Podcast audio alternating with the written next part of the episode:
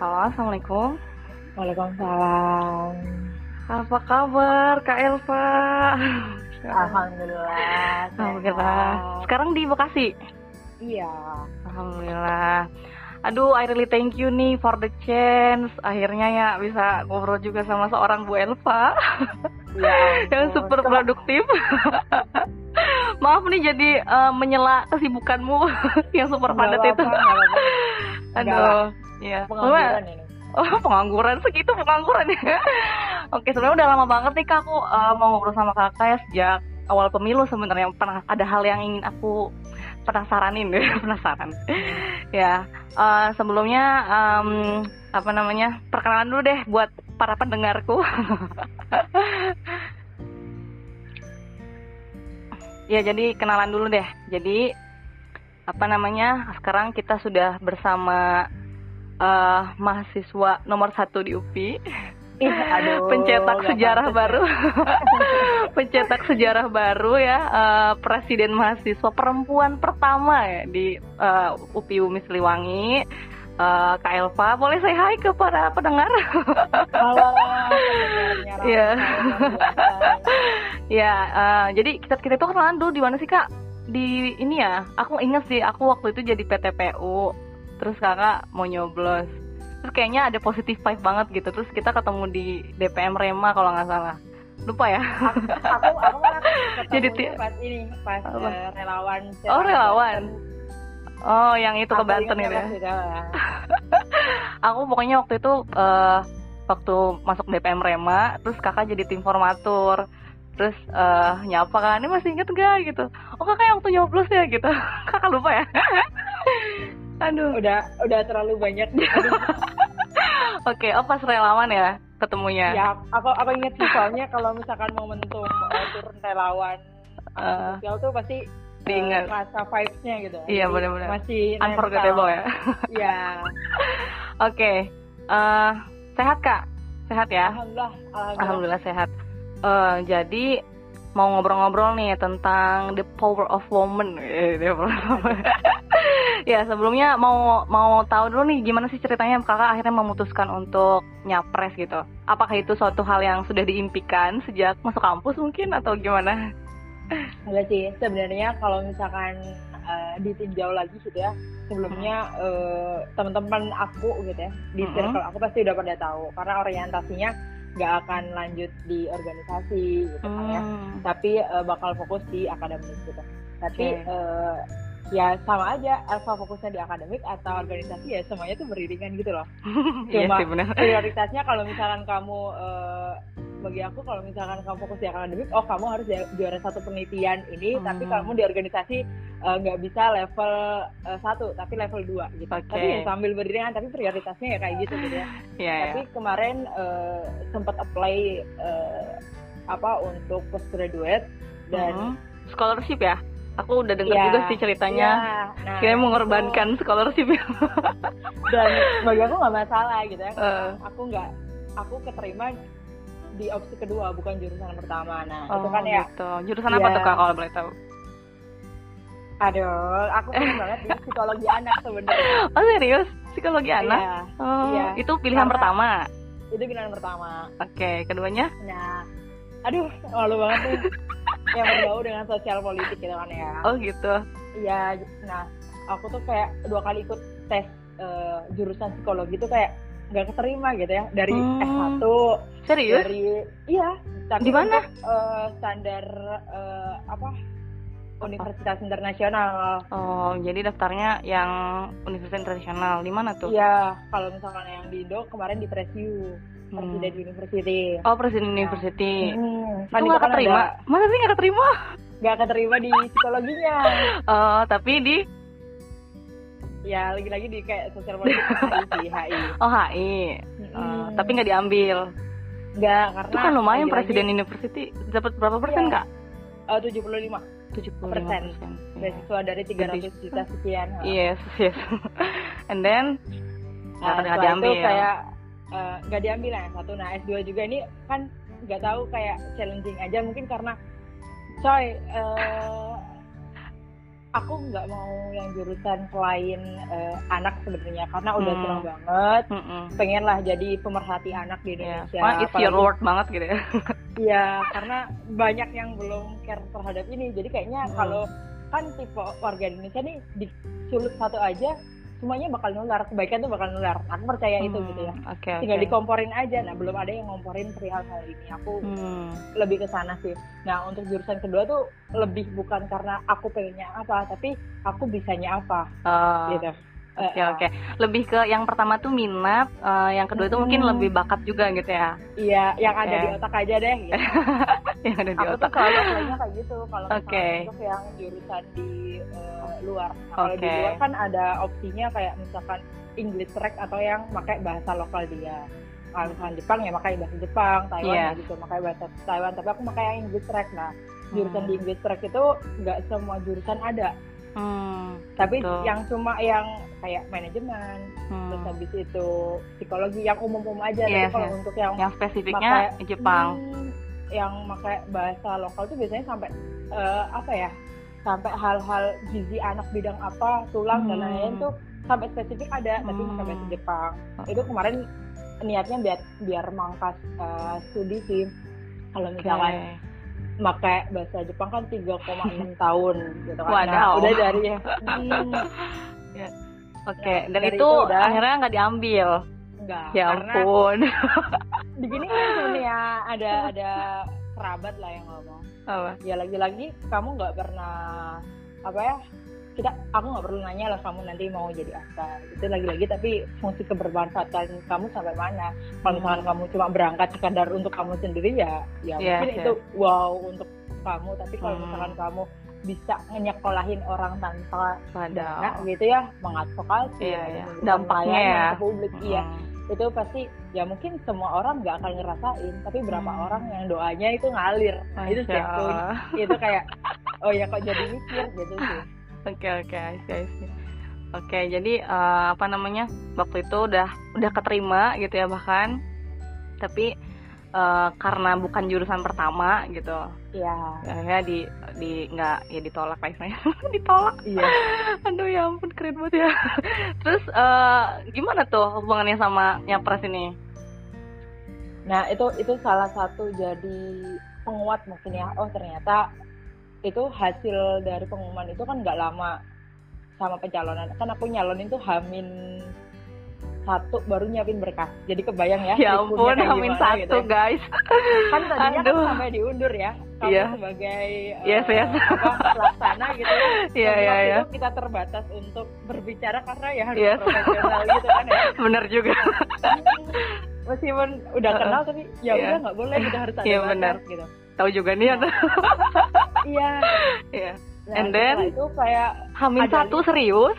Hamin satu tuh baru baru kayak oh aku kan bukan bukan apa ya bukan eh kok kamu sama ini dan lainnya enggak tapi aku bikin list kayak misalkan oh ini baiknya ini buruknya ini jadi eh menuju satu- itu kan ada ya kita harus terus tuh orang tua lah Iya, pasti. itu ngomongin masa depan lah terus Mm. la- lalu eh, biaya pendidikan ke depannya seperti apa orientasi kamu nanti bakal di karir tuh karir yang mana karena Mm. karir di bumi ini sangat luas gitu kan Iya. kayaknya aku list tuh Oh, ternyata menuju Hamin satu eh, poin minusnya makin berkurang poin plusnya Oh. bertambah Iya Nah, ya. cek dari sana kayak oh ini kayaknya bukan karena aku yang nggak mau tapi ini doa doa orang yang berharap mungkin ya ya minimal UPI ini KKM lah gitu Oh, KKM lah standar gitu Yes.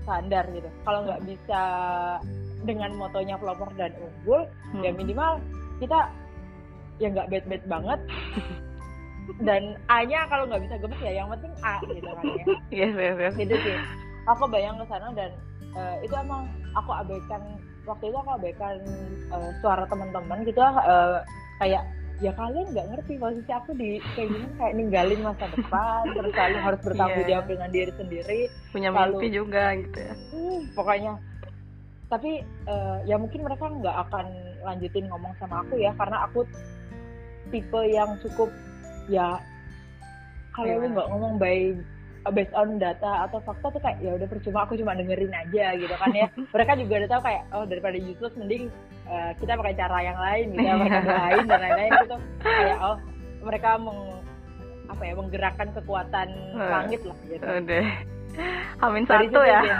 Amin satu itu kamu kebayang uh, persyaratan pencalonan yes, yes. itu apa?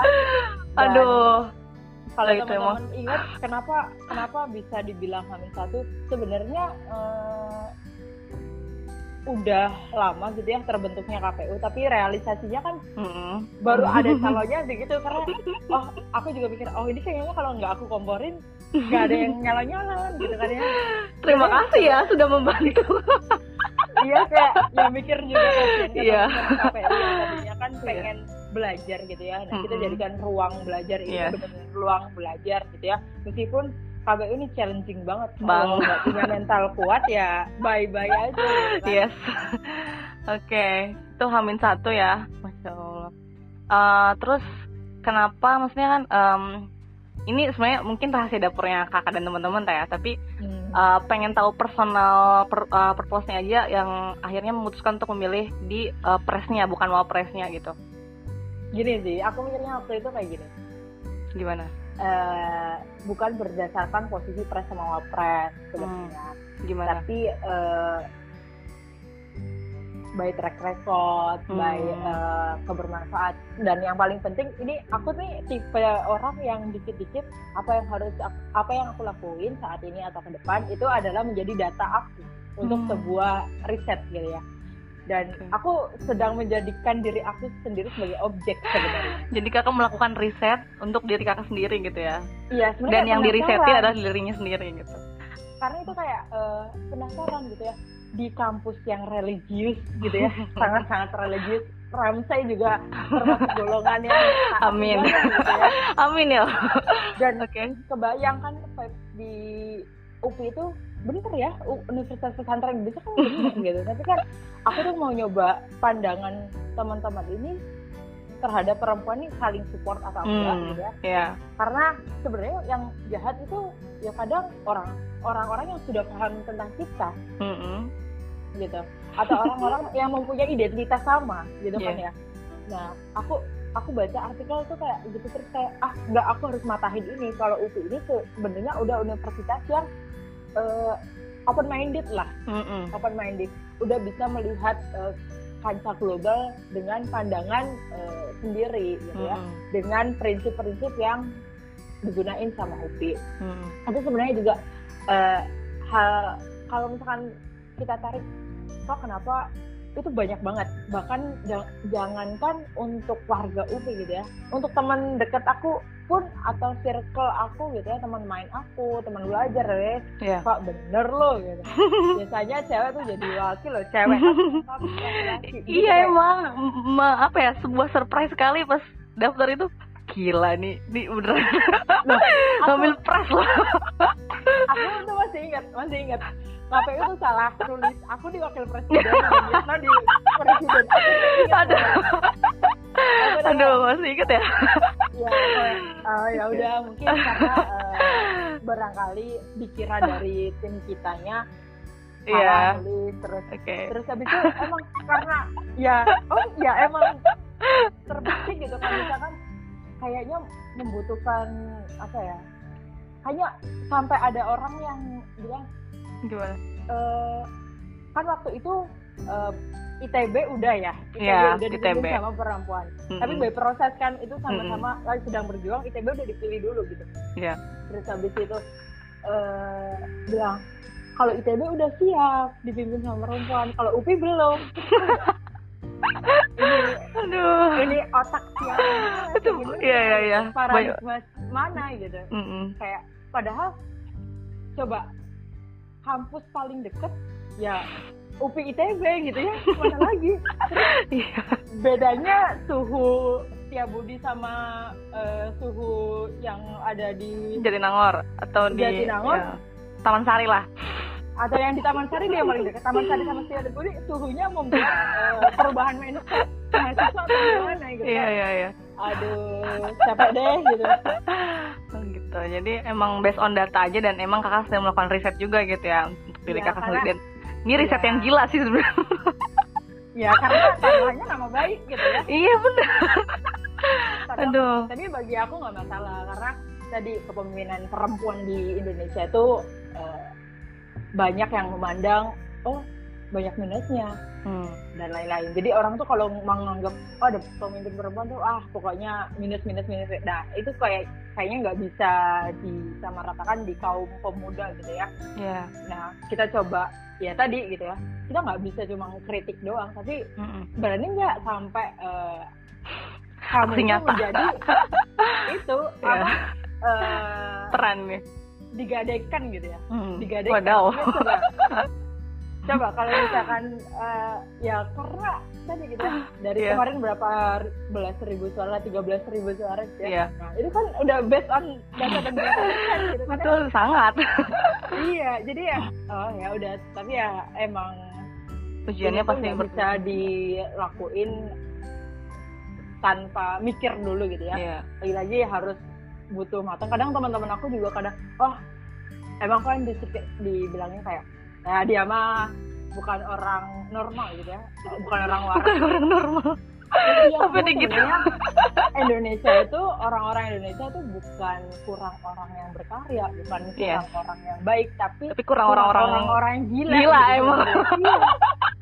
Iya bener-bener. Aduh, ya ampun. Kalau semuanya rada eh, didorong untuk satu step yang seharusnya tapi kayaknya wah Indonesia bakal gila gitu. Iya iya iya. Oke oke. Ba- Banyak juga yang dikorbanin ya kak. Aku juga dengar eh, apa namanya katanya eh, Kak- sebenarnya diceritain langsung sih sama Kang Yatnonya kan sampai jual motor gitu. Itu gimana tuh Oh, Kak, iya, pengorbanan? Ya pengorbanan apa aja sih yang selain misalnya tadi kan scholarship pun itu itu benar-benar pengorbanan super gila sih kak. Scholarship gitu loh di luar negeri nggak tanggung tanggung gitu. Gitu. Ada lagi nggak tuh kak eh, pengorbanan yang mungkin bisa diceritain? Eh, Aku juga dengar katanya abis ter- kakak terpilih tuh katanya juga dapat eh, berbagai mungkin hujatan kali ya atau gimana tuh? nah itu yang sampai rame Iya. penyerangan itu aku dan kan kita punya tim ses kita punya Hmm. relawan gitu Iya. ya. jadi eh, aku tuh sebenarnya orang yang sedang memperjuangkan mental healthy Hmm. Jadi jangan sampai toxic toxic yang ah, memangkas kesehatan mental kita itu berpengaruh gitu Hmm. kan ya. Jadi dari campaign tuh udah Instagram aku dipegang sama orang. Udah Hmm. anak media yang megang Instagram kayak uh, Iya, ya. fokus sama uh, gagasan dan lain-lain gitu ya. Karena pas kampanye juga menguras tenaga gitu ya, menguras tenaga tiap hari harus kampanye I sesuai dengan rundown KPU lalu Iya. belum lagi debat yang wow pemantiknya ada-ada aja sih pertanyaan lu gitu kan ya Iya. tapi tapi ya keren gitu kan ya Iya. nah Iya. kayak gitu gitu Tapi kakak survive ya penyerangan-penyerangan itu kan Hmm. nggak cuma satu dua doang. oh itu kan itu sebenarnya kan terjadinya tuh pas hari tenang Hmm. Sebelum pencoblosan ya. sebelum pencoblosan. Istilahnya kampanye terselubung. iya tapi aku diemin Hmm. aku diemin dulu tuh waktu itu kayak eh, ya udahlah gitu Hmm. udahlah namanya juga politik tuh ya gini gitu Yes, aku yes. masih paham ke teman-teman karena eh, dari misalkan ada 100% eh, teman-teman relawan Alfa Yatno waktu itu gitu ya Mhm. berapa persen yang benar-benar paham politik gitu ya berapa persen yang memang oh niatnya memang membantu Tulus, ya. nggak nggak semua gitu jadi kita kasih paham dulu eh, dan akhirnya mereka bah nggak bisa ini didiemin aku bilang santai lah santai karena biasanya yang tukang ngompor-ngompor itu aku gitu ya dan aku Iya, tapi justru malah sekarang sebaliknya gitu. dan itu waktu itu soalnya aku eh, memposisikan kalau aku marah gitu ya, Mhm. Tim aku semuanya wah marah gitu jadi Iya. aku kayaknya harus eh, memposisikan dan mengendalikan eh, emosi gitu ya Iya. meskipun itu wah kata-katanya luar biasa gitu ya saat itu tapi Ya. kan itu hari tenang terus hari pencoblosan tuh udah mulai banyak yang di up dan aku Hmm. nggak nge-up dulu kayak aku nggak ngekanter balik gitu kan Iya. terus ya udah biarin sampai hari terakhir itu ada beberapa rekan yang aktif di apa ya kesetaraan gender gitu ya Hmm. dan mereka marah besar aku bilang jangan jam 4 sore ini bakal ditutup boleh Iya. setelah pemungutan suara silakan di blow up menjadi pembelajaran tapi Hmm. kalau misalkan masih kampanye itu kan jam satu tuh teman-teman eh, beberapa teman-teman aktivis perempuan udah mulai menghubungi aku pak are you okay mereka pertama yang mereka tanyain itu Iya. Ini yang dinamakan eh, apa ya woman support woman gitu ya. Yes. Mm.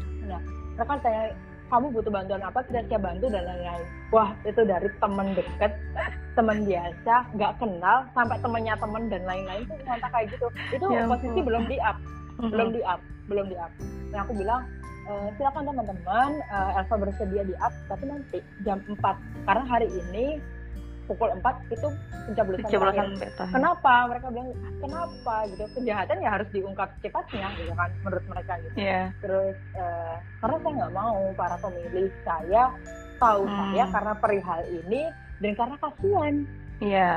gitu jadi eh, nanti ada dia jam 4 gitu ya jadi nggak ada alasan bagi orang-orang yang melihat kasus tersebut untuk memilih gitu ya, atau eh, Iya, ya. Berpikir kembali gitu jadi Mm-mm. ya pure hasil dari pemilu tidak akan berpengaruh dengan eh, apa yang akan di blow up tindakan-tindakan yang akan di blow up gitu ya karena pasti kan eh, selalu ada reaksi ya dari Iya, sesuatu pasti. hal gak ada asap kalau nggak ada api lah gitu. Tentu saja. Iya, Tapi kakak pengen mereka genuine gitu ya memilih kakak itu pure karena emang dari hati Iya. gitu ya, bukan ada pengaruh. Intinya kakak nggak mau Hmm. ganggu para pemilih kakak lah gitu ya. karena itu sebenarnya kan eh, aku melihat agama dijadikan bahan kampanye ya untuk Yes, selain aku gitu ya I kalau see. misalkan aku menjadikan hal itu balik ya apa bedanya gitu. Iya benar-benar. aku bisa menjadikan isu gender ini sebagai eh, apa ya bahan atau konten aku kampanye ketika ada pelecehan kemarin gitu ya Yes. tapi kan But you never did. iya ngapain kayak woi sama aja sama kayak bedeba-bedeba yang kayak Iya. gitu kan Yes, yes. ya kan Yes, ya kita harus ngasih contoh yes. Ya tapi kakak benar-benar survive ya itu dengan berbagai serangan kayak gitu. Ya makanya nggak gampang hidup di Indonesia pokoknya banyak cobaan Iya, iya, oke oke see. Nah, gini nih kak, sebenarnya uh, aku tuh juga penasaran tentang kan kakak udah pengalaman bergerak gitu ya. Uh, sebenarnya kakak tuh, sebenarnya aku tuh udah penasaran kakak sejak kakak jadi mendagri gitu kan. Karena aku jarang denger banget nih mendagri perempuan gitu kan. Kalau mungkin kalau di jendernya uh, ada lah gitu ya. Nah, the, berdasarkan nih pengalaman kakak dan mungkin uh, apa namanya pergerakan kakak di mana-mana gitu. Apa sih yang kakak uh, rasain? Dan menurut pandangan kakak tuh peranan perempuan dalam pergerakan dan peradaban ini dari sisi keistimewaan itu kayak gimana? jadi kalau misalkan dari dari Mendagri pun itu kan 13 tahun terakhir laki-laki isinya terus habis itu perempuan itu juga eh kayak teman-teman yang notabene eh, ketua ormawa pun yang harusnya bekerja sama dengan aku mereka juga Gimana? Pak kita bisa kerja sama kan meskipun berbeda gender oh tentu aku bilang kayak itu Iya, iya. kita make sure dulu kalau misalkan kita satu frekuensi. Nah, untuk tadi pertanyaannya eh, lebih ke apa sih kebermanfaatan kita gitu ya. Iya. Mau laki-laki mau perempuan gitu ya. Hmm. Siapa pun bisa melakukan itu. Asal niat, rencana, plan kita jelas. Hmm. Nah, kalau misalkan kita udah dekatkan dengan seluruh isi bumi gitu, kita Hmm. kayaknya nggak akan ada masalah untuk bertindak ke depannya seperti apa. Kita berpikir matang, apa sih rencana ini ABC kalau misalkan ini gagal, apakah kita bakal drop? Hmm. Lalu kalau kita drop nanti solusinya apa? Kalau kita eh, ini berhasil, apa yang kamu lakuin? Apa yang bisa kasih kamu bermanfaat? Lingkup bermanfaat kan sebenarnya minimal dari diri sendiri, terus circle terkecil, lalu Mhm. circle universitas, lalu nanti provinsi, lalu Jawa provinsi Hmm. Jawa Barat gitu Konkret ya, ya lalu gitu. nanti Indonesia Indonesia sampai ke ranah global. Jadi dia plan itu Hmm. minimal eh, kita yang nggak jangan sampai gitu ya orang yang nggak dapat kesempatan ini Hmm. sama eh, outputnya dengan kamu yang dapat kesempatan ini dalam arti Yes. ya kadang akses itu pentingnya bagi aku ya melihat uh, kesempatan maksudnya dalam arti ini jadi mendagri ataupun jadi presiden terpilih saat ini ya Hmm. ada akses-akses yang hanya uh, diberikan kepada orang-orang yang memang berkaitan dengan hal tersebut. Nah, kita Hmm. manfaatin tuh akses-akses kebaikan ini untuk benar-benar menggalang kebaikan yang benar-benar tadi uh, bukan karena kita perempuan atau bagaimananya gitu ya atau laki-laki bagaimananya lagi-lagi bukan karena gender kita tapi emang Hmm. karena Iya. apa sih yang kita harapkan gitu ya apalagi paradigma tentang perempuan di Indonesia ya mungkin Ramsay juga udah tahu seperti apa Hmm. gitu ya Hmm. kalau misalkan ya kita adalah kaum kedua kita adalah kaum kedua dan ini lagi-lagi nggak bisa cuma dibuktiin dan dikritisi dengan hal-hal yang ya udah eh, aku nggak aku nggak sepakat kalau misalkan eh, aku tuh jadi apa ya, bahan bullying dan lain-lain. Atau kenapa sih perempuan itu eh, selalu dibully sama yang lainnya dan lain-lain. Ya udah mungkin kita bisa mengungkapkan keluh kesah kita dengan gagasan Hmm. terus terlebih bagus lagi kalau kita bisa mengeluarkan keluh kesah kita dengan sebuah tindakan baik. Itu sih aku mikirnya ke sana. Dan eh, untuk peradaban wah toko-toko perempuan gitu ya Iya. banyak banget sebenarnya Hmm. gitu ya tapi kan lagi-lagi eh, kondisinya ya kalau perempuan melakukan kebaikan ya nggak apa-apa tapi kalau perempuan melakukan kesalahan ya harus di-up tapi kalau Mm-mm. misalkan laki-laki yang memimpin melakukan kesalahan ya nggak apa-apa itu sebuah kewajaran gitu kayak Iya. wah kamu juga pasti mungkin merasakan hal tersebut gitu ya dan ini kayaknya otak-otak yang belum lurus kita lurusin dulu gitu kita Iya. satu frekuensiin dulu dan nggak bisa instan sebenarnya butuh waktu pun Of, course proses. dan tahun ini eh, mungkin cuma sebentar gitu ya kepengurusan sampai Desember 2020 mungkin nantinya tapi kan setelah itu gitu ya kita apa Itu sih, challenge oh, lagi sih ya.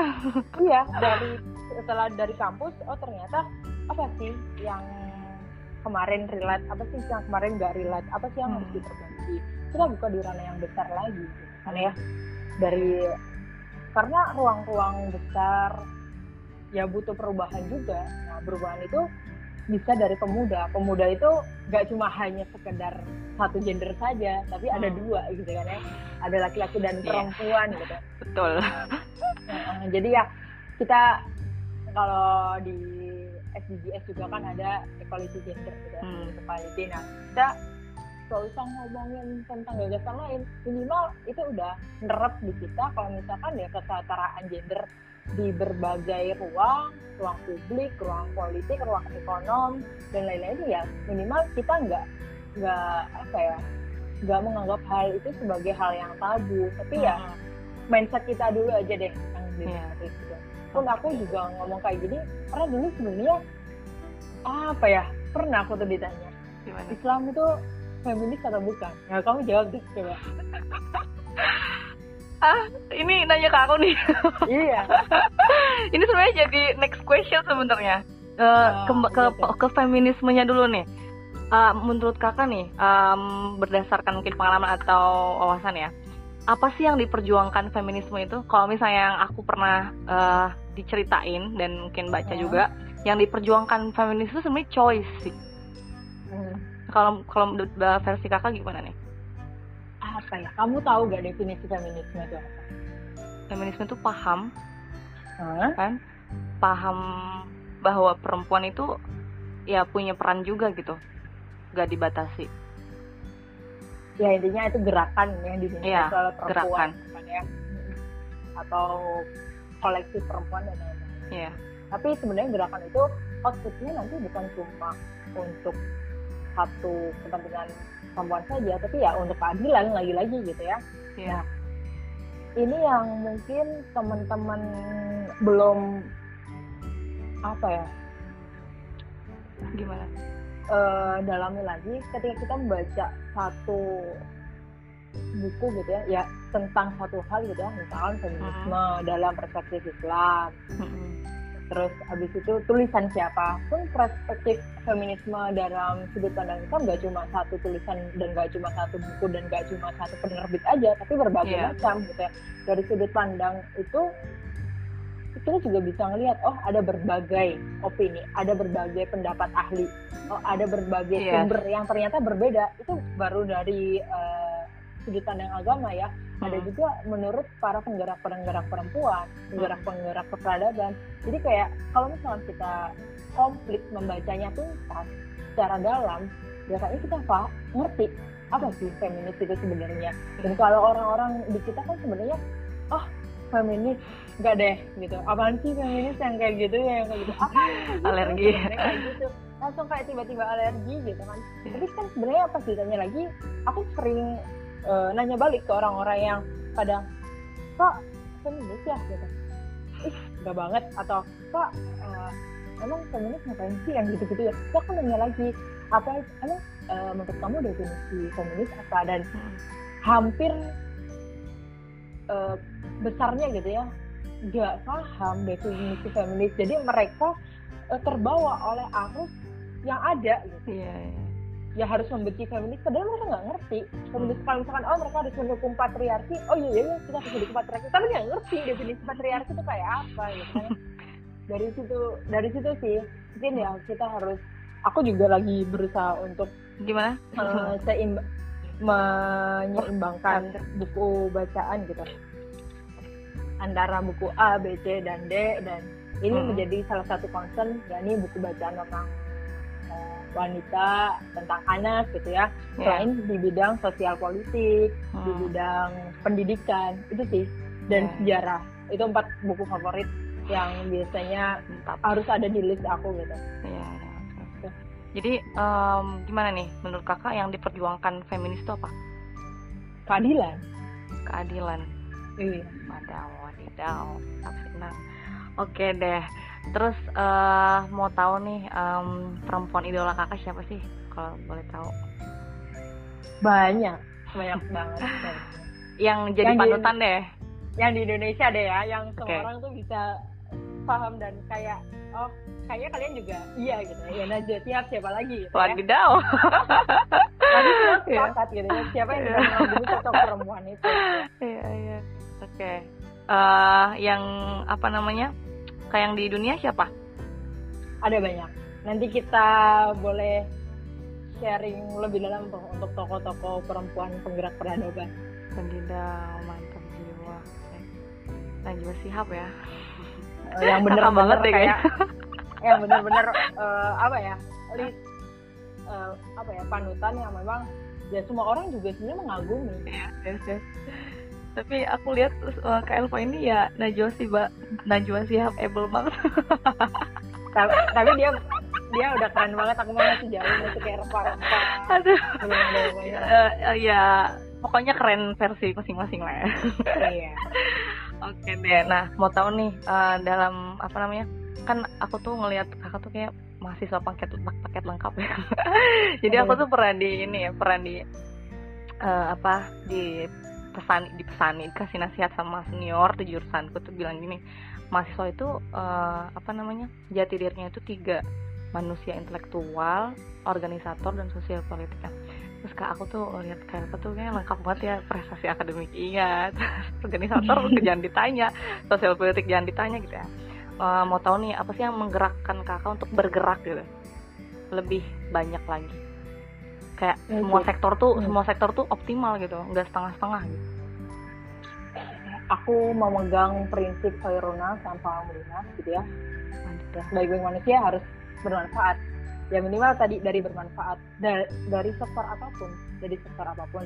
Pokoknya aku ingin mencoba memaksimalkan diri aku di berbagai di berbagai hal yang aku bisa ya ayo gitu selama aku masih bisa aku bisa optimal aku bisa menambah bermanfaatkan sebanyak banyaknya ya ayo tapi kalau misalnya nggak ada manfaatnya terus banyak mudaratnya ya eh, sorry deh aku nggak akan mencoba untuk melakukan hal itu karena memang ada banyak kayak hal yang membutuhkan energi kita gitu. Hmm.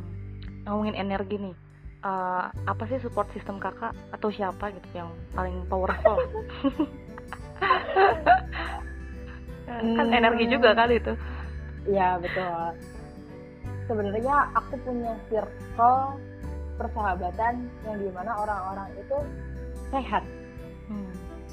sehatnya Sehat itu apa? apa? Nah, jadi kadang kita tuh apa ya berteman atau bersosialisasi bertemu orang yang kadang itu tidak baik untuk kita tanpa kita sadari hmm. jadi aku sangat beruntung sama teman-teman aku gitu ya circle sahabat aku ini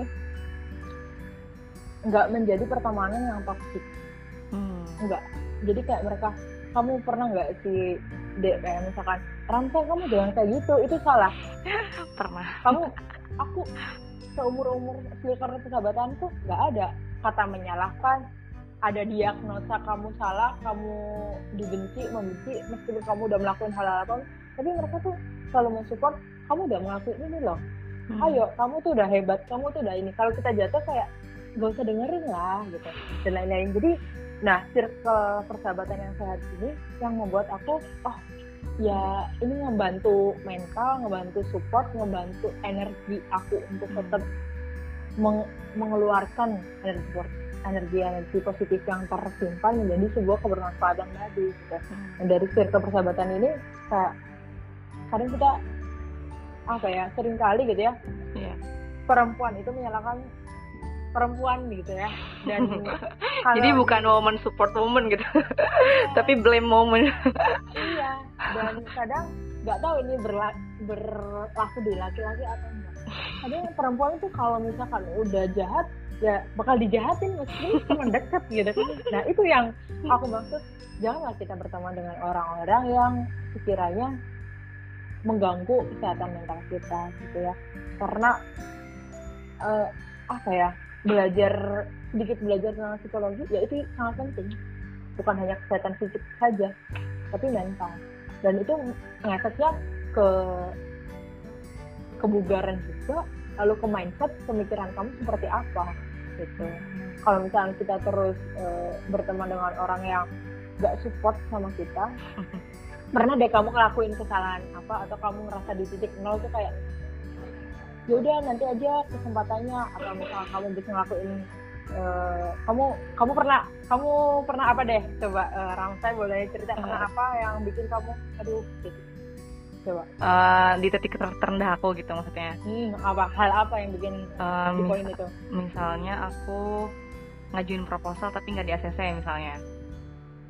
ya terus habis itu itu proposal akademik ya Eh, ya misalnya. atau misalnya gitu nah kalau misalkan orang-orang orang-orang yang belum paham gitu tuh kayak ya udah kerjain aja revisi aja nanti Iya. juga di ACC kok kalau udah waktunya itu Iya. gitu nah kalau nggak sadar itu sebenarnya itu toxic loh Yes, of kalau course. nggak sadar kalau nggak sadar tapi kita tuh selalu memanfaatkan atau e, mewajarkan hal-hal tersebut nah tapi di circle aku nggak kayak gitu Gimana gimana? Kamu udah ngelakuin yang terbaik kok Hmm. terus habis itu apa yang bisa aku bantu ayo kita bisa kok sama-sama kamu tuh udah luar biasa gitu mungkin dosanya sedang tidak nggak ada moodnya atau moodnya lagi bad mood atau lainnya kamu Iya. bisa kok gitu jadi sebenarnya cuma dengan hal-hal itu tapi Sesimpel itu ya. sesimpel itu tapi konsisten. Dampaknya. Hmm. konsisten Iya.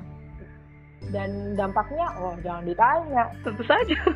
tentu saja gitu Jadi ya kuat gitu ya kitanya. iya jadi bukan cuma fisik aja tapi kayak mental ya kayak orang-orang mau ngedownin seperti apa ya kita kayak ya, ya yang pertama kita sebagai eh, penggerak gitu atau kita sebagai orang yang dilihat orang lain ya nggak ada nggak mungkin nggak ada kemungkinan untuk tidak dikritisi atau dikritik atau dicaci atau di kita dan lain-lain itu udah, udah biasa ya di dunia Iya. sosial politik gitu ya. Tapi karena udah saking terbiasanya ya ya udah gitu. Sebenarnya ya udah tapi di sisi lain ada orang-orang yang memang minimal di zona nyaman kita ruang-ruang nyaman ya support itu. Kayak misalkan untuk snapgram snapgram yang toxic gitu ya. Kamu ngapain? Marah-marah sendiri kan kalau misalkan kamu ngerasa kalau snapgram itu buat kamu jadi kayak yang pertama itu nggak penting untuk kamu balas dan ngapain kamu terlalu baper gitu terus yang kedua udah nggak usah repot-repot kalau nggak mau ngelihat snapgram orang yang kemungkinan membuat mental kamu hate aja Hmm. gitu kan nah aku melakukan hal itu kayak oh pokoknya aku membuat diri aku se enjoy mungkin Iya. se relax mungkin nah hidup mah harus dibikin enjoy versi aku gitu. Hmm. Nah, Gitu Mantap. sih Oke deh. Closing statement nih kak uh, buat para pendengar biar kita tuh uh, ya bergerak gitu nggak nggak mager ya pokoknya uh, jadi pemuda tuh ya sadar gitu akan peran gitu uh, gimana nih kak pesan-pesan lah buat para listener aku Uh, sebelumnya terima kasih buat para listener suara rasa ya. Apa suara, suara saku. Suara saku. Iya. Uh, yang sudah mendengarkan hal ini, saya pengen gitu ya, dan saya yakin bukan cuma satu dua orang hebat aja mm-hmm. yang bisa benar-benar merubah dunia, bukan karena kamu tidak hebat, tapi dunia belum tahu saja siapa kamu. Sebenarnya kamu hebat dan kamu bisa melakukan yang terbaik versi kamu, memberikan gagasan yang terbaik versi kamu. Inti dari sebuah perjalanan yakni satu kebermanfaatan. Lakukan jika itu bermanfaat dan itu menjadikan sebuah pegangan, sebuah indikator, sebuah instrumen apa yang harus kamu lakukan ke depan. Gitu. Mantap jiwa, pokoknya uh, privilege banget nih bisa ngobrol sama Ibu Elva. makasih, makasih banyak, juga. aduh makasih banyak banget. Uh, uh, pokoknya mungkin buat diskusi selanjutnya next gitu ya. Uh, semoga ditakdirkan. Pokoknya masih banyak nih yang digali sebenarnya. Cuman karena durasi ya. ya oke. Okay. Uh, selamat menghebat lagi Ibu Presiden mahasiswa dengan berbagai Aduh, challenge gitu apalagi dong. pandemi ini challenge banget ya uh, durasi Betul. periode makin berkurang banyak Betul. PR besar banget uh, semangat uh, pokoknya banyak apa ya istilahnya harapan ya uh, untuk BEM Op ini biar lebih uh, apa namanya keren lagi selanjutnya. Amin amin amin. Semangat. Oke, okay, terima ya. kasih Kak Elva. Uh, jangan lupa mendoakan Bumi ini ya biar cepat sembuh. Kita sama-sama berdoa. Iya benar-benar. Oke, okay, dulu ya. See you next time. Assalamualaikum warahmatullahi wabarakatuh.